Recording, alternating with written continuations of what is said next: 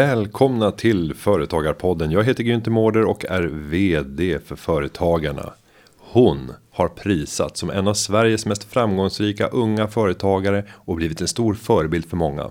Idag har vi glädjen att välkomna Louise Sköld till Företagarpodden som berättar mer om sin resa som entreprenör. Välkommen till Företagarpodden. Och med det så säger jag varmt välkommen in i studion till Louise. Välkommen. Tack. Så roligt att vara här. Känslan. Låt oss gå tillbaka till eh, oktober. Vi befinner oss i stadshuset. Eh, du får höra följande motivering läsas upp. Med förmågan att vända en stor motgång till sin största styrka har företagaren lyckats bryta mark i en konkurrensutsatt bransch och krossat allt motstånd. Ett stjärnskott som inte bara tagit juryn med storm utan också fått omsättningen att rusa i höjden.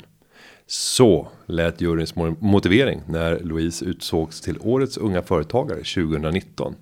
Vad var det som hände efter att det där lästes upp känslorna? Ja, alltså jag var ju extremt chockad. Jag var inte alls beredd på det där. Jag visste att jag var nominerad. Men tänkte väl att ja, ja, men det här blir en kul kväll liksom. Och eh, hade väl inte lagt en enda tanke på att jag skulle vinna, vinna någonting sådär. Eh, så jag blev ju extremt chockad. Jag tror att det syndes ganska mycket på när jag kom upp på scenen. Jag minns det som väldigt rörd. ja, ja, men det blev jag. Det är såklart, man blir ju aldrig uppmärksammad på det sättet som entreprenör. Så det var ju extremt roligt. Ehm, och nu har jag fått varit med både här och sen eh, Erna varit med på Entreprenör of the Year som kvinnligt stjärnskott också. Eh, där vann jag inte hela landet men i Svealand. Ehm, och varje gång man får eh, sådana här utmärkelser så blir man väldigt rörd för man vet hur mycket hårt jobb det ligger bakom.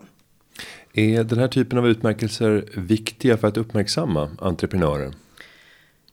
Extremt viktiga tror jag. För att, ja men som sagt, många jobbar i det tysta, man kör på, man sällan uppskattning och sådana här saker. Och sen när man väl blir uppmärksammad så blir det en ny motivation. Kan du komma ihåg någon gång där du har fått uppskattning till exempel från eh, det offentliga Sverige? Det kan ju ha varit någon kommunföreträdare eller någon eh, hög politiker som bara kommit och famnat om det bara så här. Tack för alla jobb du skapar för alla skatteintäkter du genererar. Nej, aldrig. Nej, det har aldrig hänt.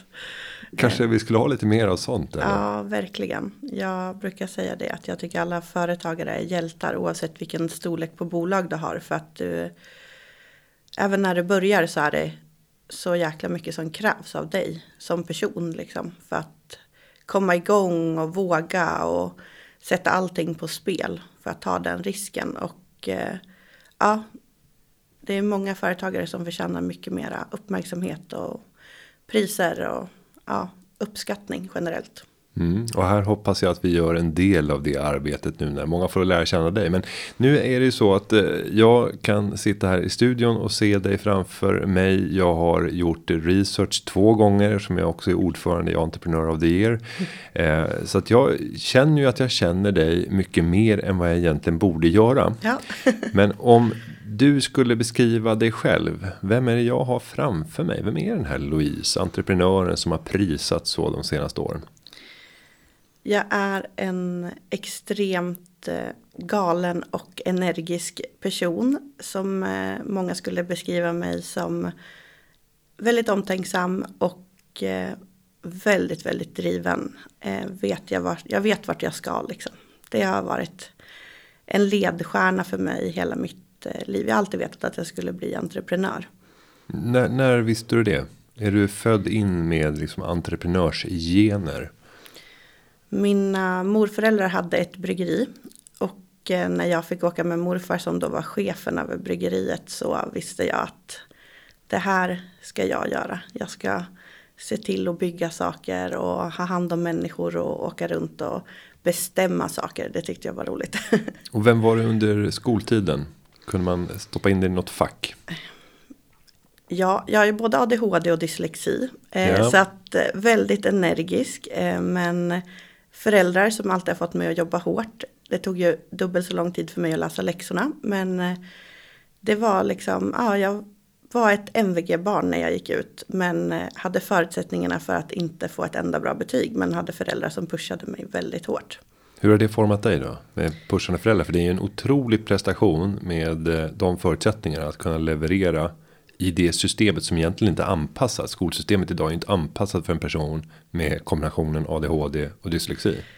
Nej, det har nog format mig att jag aldrig ger upp. För det och att det gör man inte. Man jobbar hårt för det man ska ha och eh, dit man ska. Och det är liksom ingenting kommer gratis. Och det har jag med mig som den största tacksamheten från min barndom och som har gjort att jag är där jag är idag.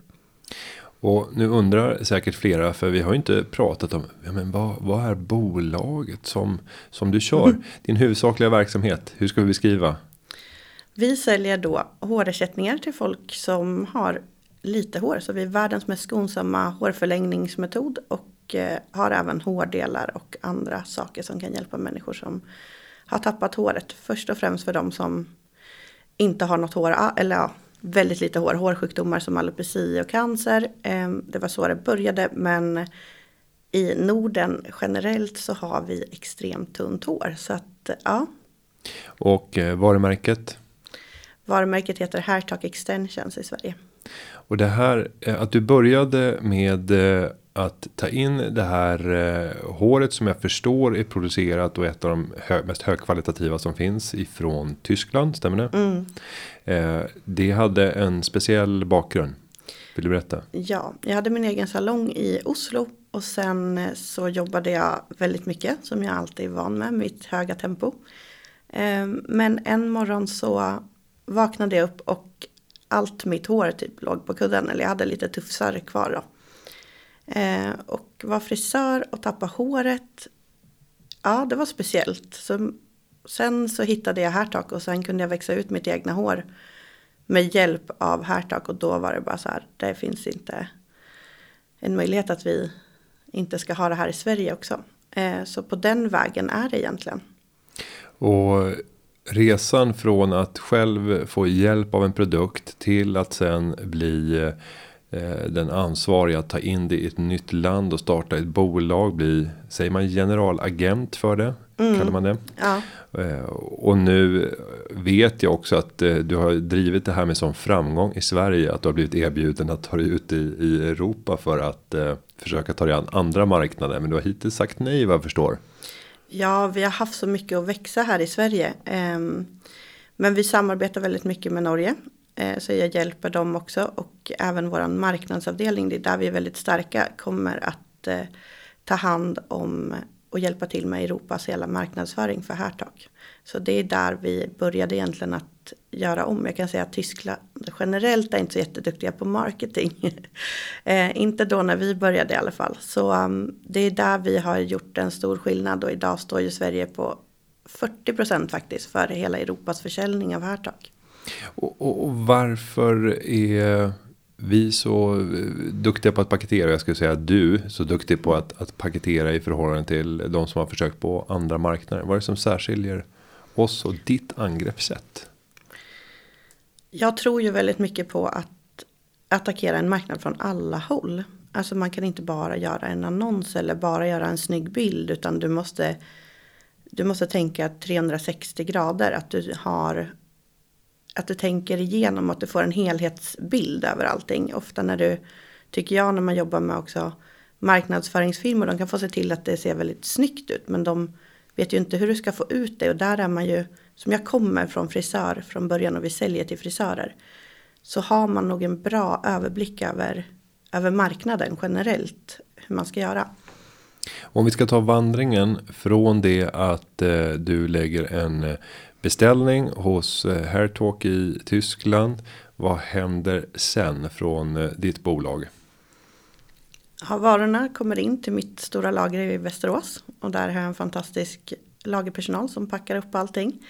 Sen så för att bli kund hos oss så har vi en väldigt lång kedja. Det är ju det att ingen får köpa hår av oss utan att ha gått en fyra och en halv timmars utbildning. Och först måste du ansöka för att bli kund hos oss. Eh, och så måste du bli godkänd för att vi ska hålla kvalitet hela vägen. Och det här har ju många haft väldigt mycket åsikter på och tyckt att men vadå, det är väl bara sälj bara håret. Eh, och där har nog min, jag ska säga, min noggrannhet för att det ska vara kvalitet hela vägen sagt stopp för det. Att vi måste hålla den här höga kvaliteten för det är en premiumprodukt. Och det har också varit en av framgångarna. Men också gjort att du säger att vi har vuxit fort men vi hade nog kunnat vuxit mycket fortare om vi hade bara släppt ut den så på marknaden. Men då hade vi inte hållit kvalitet hela vägen. Så det har varit en viktig del i det hela. Och sen ska de här produkterna vidare. Men ni skickar dem inte till slutkunden. För, i, för er kund är ett annat företag som ja. jobbar med kunden. Utbildade frisörer. Mm. Eh, våra härtagsstylister ute i landet som vi har utbildat och som är helt fantastiska. Och vi har ju olika steg och grad på utbildning eh, i vårt företag också. Så att man kan jobba med olika typer av produkter. Och de här frisörerna och stylisterna. De kan ju välja att jobba med eh, vilken produkt som helst. Varför ska man välja just Hairtalk? Vi har över 12 patent i hela världen. Eh, det är världens mest skonsamma hårförlängning. Den enda hårförlängningen skulle jag vilja säga där du kan, ditt egna hår kan växa ut igen. Och du vill ju inte ha hårförlängning och få mindre hår. Du vill ju ha hårförlängning för att du har lite hår och du vill få mera hår. Mm. Och det kan vi hjälpa dig med. Och om man tittar på lite numerär då. Hur många är de här eh, salongerna eller motsvarande i Sverige som kan leverera produkten mot slutkund? Ja, just nu är vi väl uppe i 3000 kunder. Totalt över hela Sverige, eller kundnummer. Men allt ser så himla olika ut. Vissa har ju en salong och andra har ju en hyrstol. Så att det mm. varierar väldigt på hur mycket kunder vi och hur mycket mark man kan ta. Men så handlar det om att få dina kunder att jobba mer med din produkt och förstå din produkt. Och älska att jobba med din produkt och älska ditt varumärke och brinna för det och bli ett raving fan av din produkt. Ett raving fan. Mm. Eh, det där får du förklara för gubben här på andra sidan vad, vad det betyder. Man kan ha kunder mm. och sen så kan man ha raving fans.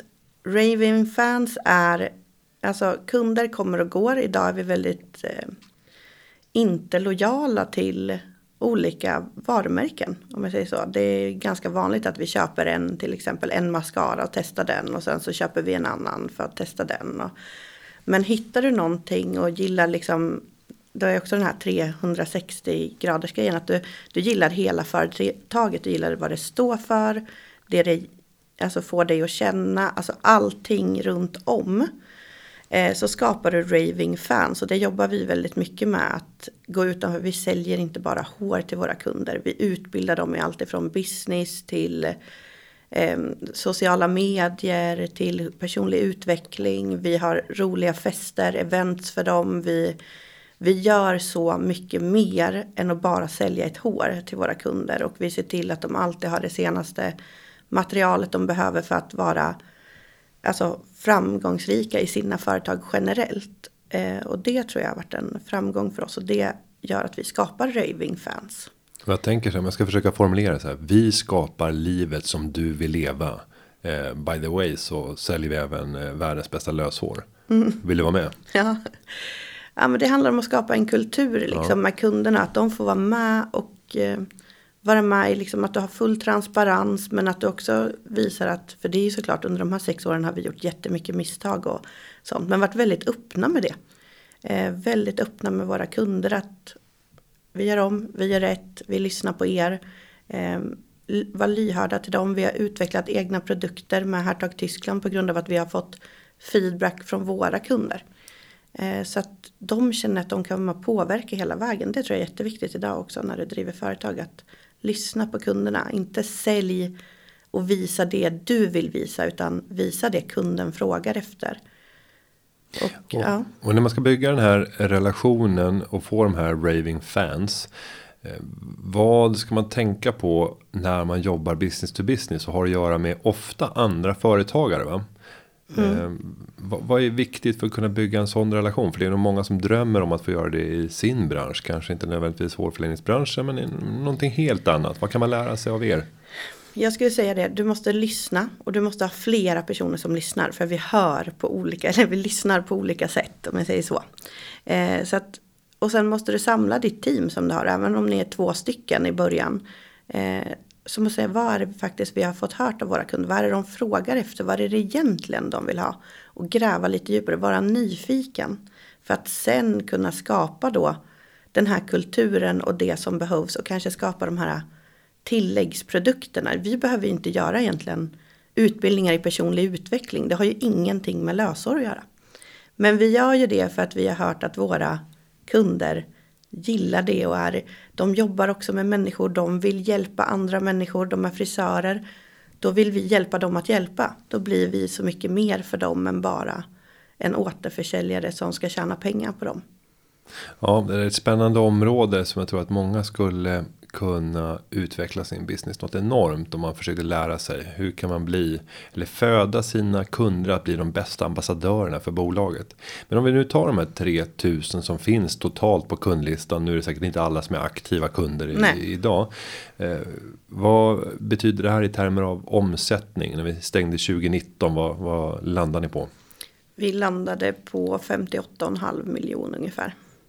Rätt häftigt. Mm. Hur, eh, hur ligger det i munnen? 58 miljoner i omsättning. ja, det är tungt faktiskt om jag ska vara helt ärlig. För vi hade förväntat oss eh, mer, men vi hade ett tufft 2019. Det, det, det, är tungt för att ni hade förväntat er mer. Och då ska du berätta hur har tillväxten varit senaste året då? Eh, från 51 eh, till 58. Ja. Ja, 7 eh. miljoner i omsättningstillväxt. det, det, får ju de flesta eh, företagare att eh, bli bleka av avund. Men du hade sagt att vi förväntar oss mer. Eh, de här högt ställda förväntningarna, berätta om dem och berätta om eh, 2019. Var, för du var lite besviken när vi gick in här i studion. Så här, nej, 2019, jag vill glömma det, nu, nu går vi vidare, nu, vi kommer lära oss mycket, nu kör vi. Vi gick in i 2019 och jag tror att alla entreprenörer kommer till en platå någon gång där de känner så här, nu måste vi satsa eh, för att komma vidare. Och vi var lite där att så här, vi har växt och växt och nu var vi tvungna att ta, göra en ny struktur. Vi dubblade i personal. Eh, vi eh, satsade väldigt mycket men hade kanske inte riktigt vad ska jag säga, basen eller grunden för att hålla i den där stora satsningen. Vi ville väldigt mycket. Ehm, men det räckte inte hela vägen, vilket gjorde att vi hade ja, mycket alltså inhouse problem ska jag säga. Och vi flyttade två lokaler och eh, ja, nej, jag skulle säga att det var, det var ett stökigt 2019 som man har lärt sig otroligt mycket av. Ehm, jag brukar säga det, varje november så säger jag alltid att jag ska hoppa av som vd för då är jag så jävla trött på skiten. Mm. Men eh, sen varje januari så är jag där med full kraft igen. Ehm, så det är någonstans där att man måste hitta lite balansen och nu har vi gått tillbaka lite mer till grunderna. Vi har omstrukturerat väldigt mycket. Vad betyder det? För oss betyder det att eh, vi har tagit bort lite personal, tagit dit lite nytt folk. Vi har gått tillbaka, vi har gjort så att alla ska göra det de är bäst på. För när du gör en satsning så blir det att folk får massa nya uppgifter som de kanske inte riktigt klarar av. Ehm, och inte tycker är roliga. För att du ska satsa och du vill så mycket som entreprenör. Och eh, där var vi 2019. Men eh, nu har vi det, jag ska säga att vi redan i december, vi började från september egentligen att göra omstruktureringarna. Men redan i december så kändes det som att nej, nu jävlar är vi på väg. Eh, och det har visat sig jättebra i januari redan. Så jag är extremt nöjd med första månaden i, på 2020. Och väldigt glad över teamet vi har fått ihop. Och första gången på fyra år så är jag tillbaka som faktiskt, alltså jag är vd men jag kommer även ta rollen som chef nu. Och det har inte jag varit på samma sätt innan. Vd och även tar rollen som chef. Alltså hur är eh, du som vd när du inte är chef? Vad är det som händer då? Då jobbar jag extremt mycket med utveckling. Utveckling av nya grejer. Jag är på alla ställen och kollar, kollar på alla, vad ska man säga, våra avdelningar. Hur vi kan utveckla, förbättra, förnya och sådär. Och sen har jag inte egentligen haft så mycket personalansvar innan. Eh, nog varit lite rädd för det. Eh, jag är väldigt energisk och har också ett hett temperament. Ehm, det tror jag ligger till grund för många entreprenörer att vi vill väldigt mycket så vi brukar inte vara så duktiga på att eh, ta hand om personal. Ehm, men eh, det har jag fått gjort ett skifte i mig själv och sagt att ingen vet ju faktiskt bättre vad min personal behöver än jag. Och eh, ja, i år så ska jag vara chef över dem och det, jag tror att de gillar det faktiskt hittills. Vi får väl se, det har ju bara gått någon månad här in på 2020 men Men det måste vara en stor personlig resa då att ge sig i kast med en av alla de uppgifter som naturligt kommer till en företagare. Man ska ju vara bra på allt helst mm. eh, och sen så känner man lite eh, oro inför vissa områden där man känner att eh, ja, men det här är inte min naturliga fallenhet kanske eller inte min naturliga hemmaplan. För dig är det här en stor resa att gå in och ta det ledarskapet som du måste göra då för för personalen också. Ja, framförallt att börja jobba med coachande ledarskap när du är kanske en person som gärna tar snabba beslut och talar om vad folk ska göra. Eh, så det har ju varit en jätteresa för mig. Jag har hållit på med den ganska länge. Eh, egentligen över två års tid där jag har utvecklat mig själv och jobbat jättemycket med coachning och haft personliga coacher. Så att ut efter det så har det blivit att okej, okay, men jag är faktiskt bra på det här. Jag, jag, jag kan ju det här. Eh, och förändrats väldigt mycket som person också. I, eh, fått ett annat lugn och sådär. Så att eh, ja, jag ser jättemycket. Det är också så här, man, när man har hållit på nu, när jag säger sex år så säger många, men gud det har bara börjat sådär när man pratar med framgångsrika entreprenörer. Och, men du vill alltid hitta nya utmaningar, du måste hitta saker. Så det här blir en utmaning för mig Eh, vilket också gör att jag är supertaggad på det. För det blir som en nystart för mig. Att nu jäklar ska jag skapa en, också en raving fans kultur inhouse. Inte bara ute hos våra kunder.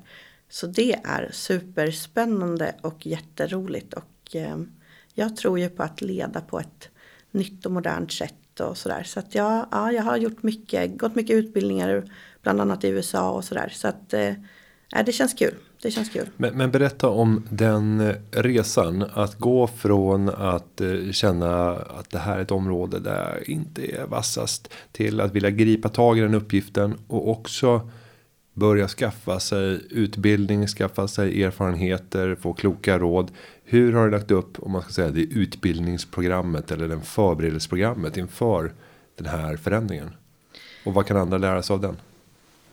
jag skulle säga att du måste inventera dig själv hela tiden. Eh, för mig var det att jag kom till någon form av brytpunkt i mitt entreprenörskap där jag kände så här.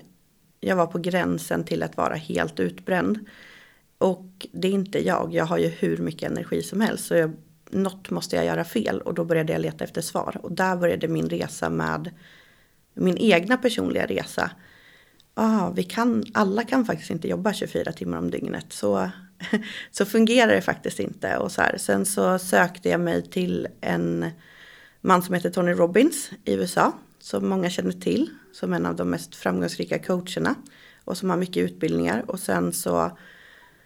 Jag är väldigt hooked på den här amerikanska stilen. Jag tycker att den är, eh, den är schysst liksom. För du, du får väldigt mycket energi. Och det är väldigt så här. Ah, Om du ska bygga upp ditt egna självförtroende. Men du ska samtidigt vara väldigt inlyssnande. Det är mycket med liksom du ska veta vad du drivs av, varför du gör saker. Alla ska veta det. Jag tycker att det, det är intressant där. Varför gör vi som vi gör?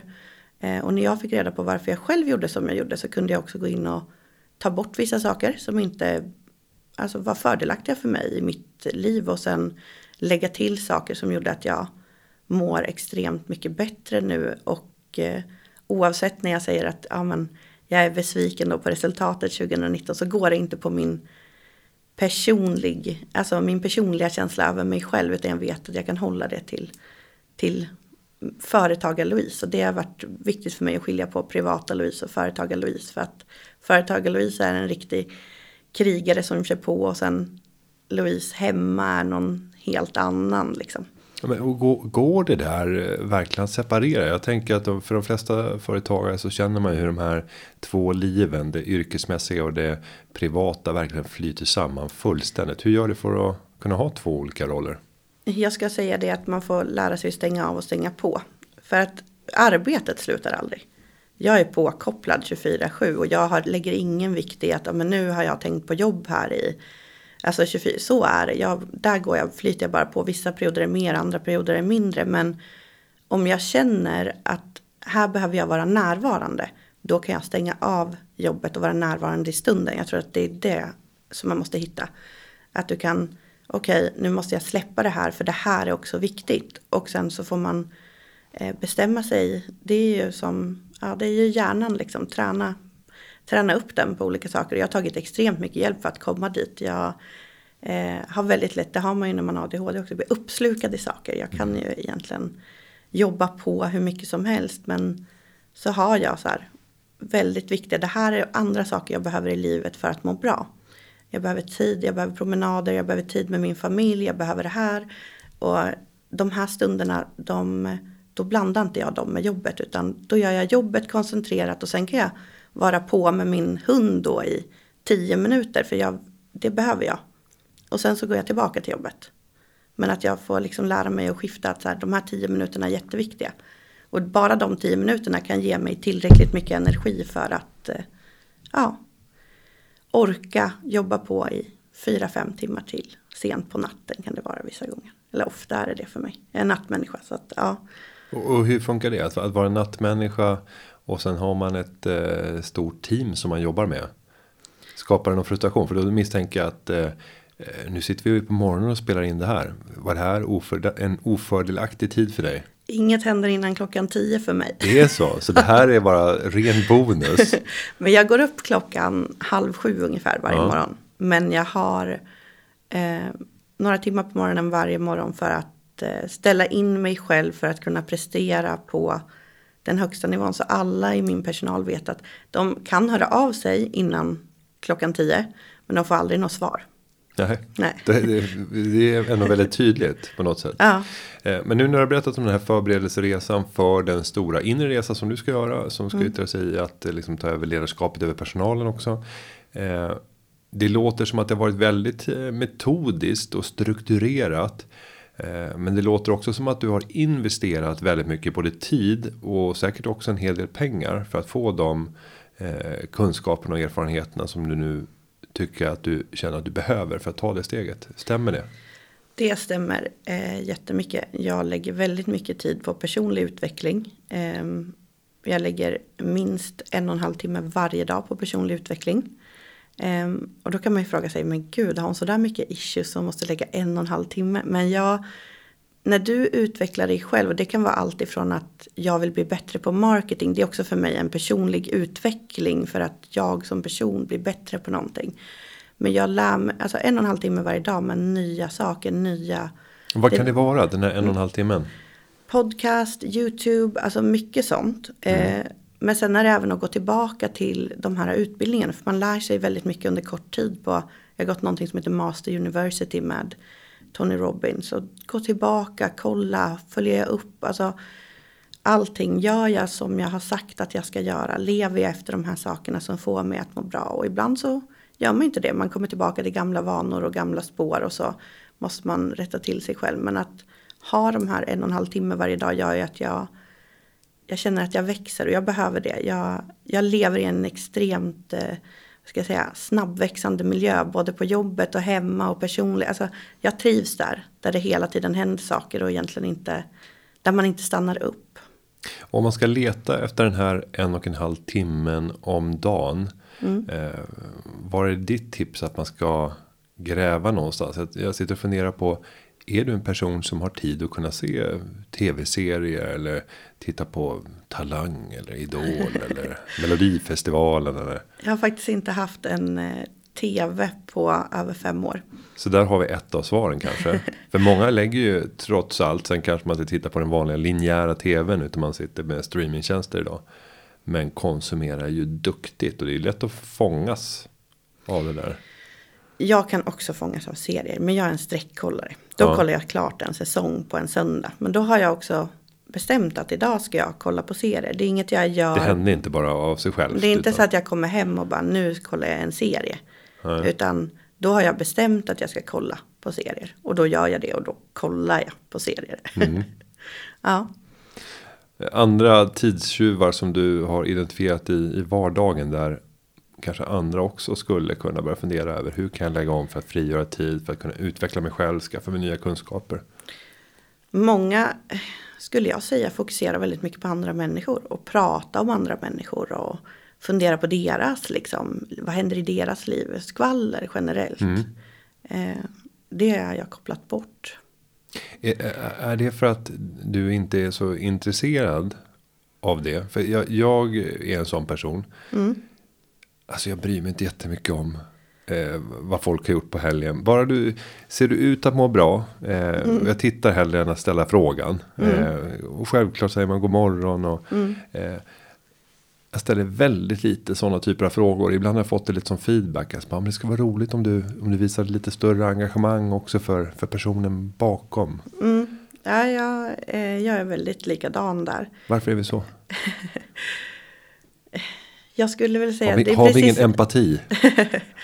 Ja, det kanske någon skulle säga eh, att jag inte har. Men eh, speciellt någon som före detta anställd eller något sånt där. Mm. Jag vill framåt. Jag är på väg någonstans. Och då lägger inte jag tid på om du åt tacos på fredag. Det skiter jag faktiskt i. Alltså, det är så här. ovik- Sen kan jag tycka det är jätteroligt att träffa mina vänner och det har hänt några galna grejer för dem på helgen. Absolut, men då har jag som sagt valt att spendera tid med mina vänner och då har jag också valt att nu lyssnar jag på mina vänner och då tycker jag att det är kul. Men i vardagen sådär äh, slentriant när jag är på väg någonstans att höra på något, ja, nej. Och i, i relationen med din respektive. Yttrar det sig på samma sätt där? Eller är det annorlunda när man befinner sig i en... Ja, vi skvallrar ju extremt lite med varandra. Men Ja. vi jobbar ju också med varandra. Ja, Mm. Så att vi har eh, nog samma syn på det. Eh, lägger väldigt lite tid på att prata om andra människor. Väldigt mycket så här framåt och sen pratar vi extremt mycket om hur vi känner i oss. Hur mår vi? Vad händer? Har vi tagit hand om vår hälsa? Tar vi hand om relationen? Hur är det med hunden? Alltså sånt där. Men det är ju på den utsatta tiden när vi ska prata om det. Om jag hade kommit in och jobbat för er och inte vetat om er relation. Hade jag kunnat märka någonting om jag hade kört en arbetsvecka. Vad är det jag skulle kunna märka på att ni var ett par? Nej, vi pussas och kramas och allting sånt där. Det gör vi. Ja. Eh, Men det går ju snabbt. Det är inget skvaller. Nej, nej. Eh, Så absolut på det sättet. Men eh, Hångla bakom lagerhyllorna.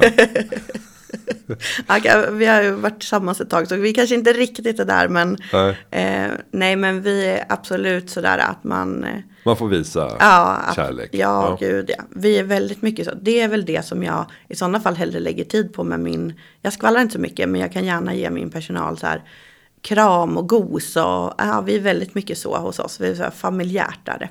Eh, men då går det snabbt. Det, det går snabbt för mig att visa så här, åh, gå förbi, ge en kram och sen gå vidare för att då är jag i farten. Men att stanna upp och kanske lyssna in på det här, ja, vardagsskvallret, det gör jag inte. Sen fick jag lära mig att det är efter 20 sekunder när man kramas. Eh, som den stora energiutsöndringen kommer. Ja, det får man aldrig av mig. Nej, och, och det där det kan jag också säga att som chef eh, så blir det lite, lite märklig stämning. När man står där den 21 sekunden och utbrister. Känner du energin komma? Så bara, Nej, jag tycker bara att det är obehagligt. Kan du gå härifrån?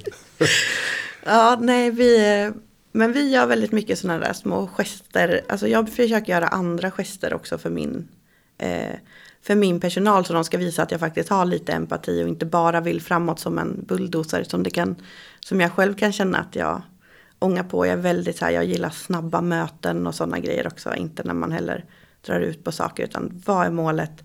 Vad är det vi ska prata om? Och när någon drar ut och börjar ha långa utsvävningar och saker. Håll dig till ämnet liksom. Där är jag väldigt sådär. Och om vi nu lämnar eh, livet som företagare och chef och ledarskapet. Eh, och det inre i bolaget och tittar istället på struktur. Så du har ju tagit in en ägare i bolaget utöver dig själv. Mm, han har varit med från första, första början. Från första början. Hur, hur gick det till? Jag köpte ju då hår eftersom jag hade salong i Oslo. Så jag köpte ju härtak av dem från första början. Och sen så när jag ville ta in det i Sverige så ringde jag upp dem och så var det liksom att de hade rätten att sälja det i Sverige. Så åkte jag till han och så sa jag Vet du vad, jag kommer ta det här. Det här kommer bli det största business to business extensionsbolaget i Sverige. Nu kör vi. Och då fick du ett ja på det. Ja. Eh, och om du tittar på hur utvecklingen har varit. För du har inte bara levererat det utan säkerligen mer därutöver. Mm. Borde du ha förhandlat annorlunda i den stunden? Absolut. 100 procent. Vi har varit eh, tre delägare innan också. Mm. Eh, precis köpte ut en delägare nu i, eh, ja, i höstas då. Eh, och så där är det ju. När du börjar. Jag hade ju ingenting. Jag hade inget kapital. Jag hade ingen. Alltså jag hade ju ingenting. Jag hade en jävla namma och visste. Jag har alltid vetat att om jag sätter alltså mitt huvud till någonting. Att så här, nu ska jag göra det här. Då kommer jag genomföra det och det kommer att bli bra. Den tron har jag alltid haft på mig själv. Det kommer nog från det här dyslexi och alltså att man har gjort läxorna. Man har alltid klarat av det man har satt i, eh, put your mind to som jag brukar säga. Men där och då så var man nog ung och energisk och bara gud vad kul, man, liksom, man ville bara börja. Eh, det in, skulle inte se likadant ut idag om jag ja, startar ett bolag med någon. Nu vet jag ju vad jag har och bring to the table. Och vad ger du som råd till andra unga som står där utan kapital med en, med, men med en enorm lust och energi att driva igång sitt bolag och sen så kommer någon annan och säger du jag kan hjälpa dig på den här vägen. Jag kan få äga nästan hälften av bolaget. Du får äga majoriteten. Och sen så. Beroende på hur det ser ut så skulle jag säga. Men jag har varit minoritetsägare i Hertog innan. Mm. Eh, så det här är nytt eh, det är med, nytt, med majoritetsägandet? Ja. Mm. Eh, så att. Eh, men jag har alltid drivit det. Mm. Eh, och gjort hela jobbet. De har varit passiva. De andra delägarna har inte gjort. Verkligen inte gjort någonting. det låter som eh, det finns lite kritik här. Du hade velat att de gjorde mer eller? Nej, jag skulle säga nej. Du vill inte att de ska peta tror jag. Nej, jag vill göra på mitt sätt. Det har varit ja. jättebra också. Så att jag ska säga det.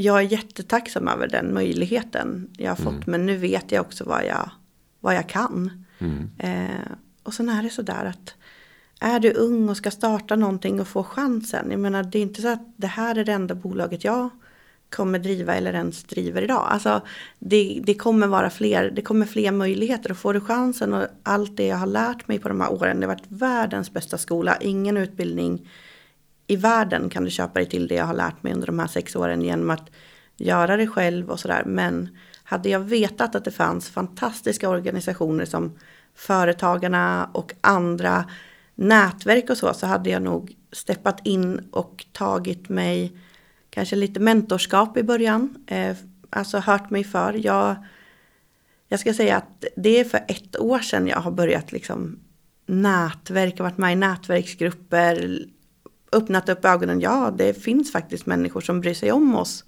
entreprenörer. Jag har varit väldigt så jobbat i det tysta och eh, ja, inte tagit någon hjälp. Eh, och där skulle jag säga, ta hjälp. Det finns fantastiska människor och precis som jag och många andra företagare, vi vill ju hjälpa till. Vi vill sprida våran kunskap och eh, det har jag förstått nu. Så det önskar jag att någon sa till mig. För sex år sedan? Ja. Mm. Då hade jag inte lärt mig lika mycket och gjort lika mycket misstag. Mm. Men jag hade kunnat undvika en del tuffa ja, tider. Mm. Eh, och eh, om vi nu blickar framåt istället och tänker i ett femårigt perspektiv. Och för mig så är ju det fem år är inte jättelång tid. Men jag kan tänka mig för dig när du tittar på hela företagsbygget från start sex år sedan till idag. Det har hänt otroligt mycket. Mm. Så att jag vet inte om frågan känns helt konstig. Om fem år. Äger och leder du det här bolaget fortfarande? Äger ja. Mm. Eh, leder nej. Eh, då har jag gått vidare. Mm. Eh, nu stabiliserar jag 2020 eh, och behöver se vad företaget behöver. Men när jag vet vad företaget behöver och vad, vart vi exakt ska, då kommer jag gå tillbaka. Det här är en utmaning för mig att leda. Eh, det kanske inte är min fram, främsta styrka. Jag är ju entreprenör och ska utveckla och göra nya saker. Och det gör jag också nu. Men det här ser ju som en utmaning och jag behöver ha det här i ryggen för att jag ska kunna bygga ett större bolag. Och vad är det du vill bygga framöver? Om du skulle frigöra tiden från ledarskapet. Du har fortfarande kvar ägandet. Eh, du har en bra extern vd som sköter jobbet med galans. Vad ägnar du din tid och uppmärksamhet åt i det läget? Ja, vi drar igång ett nytt bolag nu i mars. Eh, mars, april runt där. Vi får se nu med det här coronaviruset i Kina. Men eh, ja, runt mars, april. Eh, som vi har jobbat på ganska länge. Som har med peruker att göra. Eh, som kommer sälja inte business to business utan direkt till konsumer. Men också med en annan typ av tekniklösning. Som, eh, så att man ja, kan skippa liksom ett, ett led där för att eh, hjälpa människor som inte har något hår överhuvudtaget eh, till att få hår. Um, och sen så kommer vi utveckla vårat segment som vi har och sen får vi se. Jag är lite inne på att ja, jag vet inte. Jag vill, jag vill bygga i samma segment men jag är också lite sugen på att toucha andra, andra branscher som jag tycker behöver. Vad är det för bransch som skulle locka mest? Jag brinner ju väldigt mycket för att hjälpa andra människor. Det tror jag alla entreprenörer kommer till. När man har byggt ett bolag och man ser vad man kan göra för att du kan faktiskt förändra människors liv och förändra saker. Så att ja, jag har varit lite sugen på att göra någonting i så här äldrevården. För att jag tycker där är, ligger vi extremt långt efter. Och när jag själv blir gammal så vill jag inte ha ett sånt hem som finns idag. Det är mycket så här, där är jag liksom lite sugen på att försöka kolla runt lite, vad kan man göra, kan man tänka nytt där och det finns ju så mycket. Och det kanske finns kombinationsmöjligheter också med perukverksamheten. Ja. Och äldrevården, kunna få ja. riktigt tillpiffade och få känna sig riktigt eh, fräsch och snygg som Ja, men jag har mm. fått lite råd faktiskt av eh, andra duktiga entreprenörer att håll dig i ditt segment ett tag till. Så jag ska mm. göra det. Minst en sån, minst en fem år till så kommer jag bygga i samma segment och sen får vi se. Då har jag i alla fall 10-11 år på nacken som ja, entreprenör. Så då, ja, men då, då kanske jag vågar mig utanför det här segmentet. Ja, det ska bli så roligt att få fortsätta följa din framfart. För det du har lyckats åstadkomma på de här sex åren eh, är makalöst. Och jag tror att du inspirerar många andra till att våga följa sin dröm och våga satsa. Eh, och just att du vågar berätta om att det inte bara är en, en dans på rosor och, och en, en, raket som stiger upp i, i himlen. Utan att det finns rätt mycket motgångar längs vägen. Det där ger nog rätt mycket styrka till, till många andra företagare också.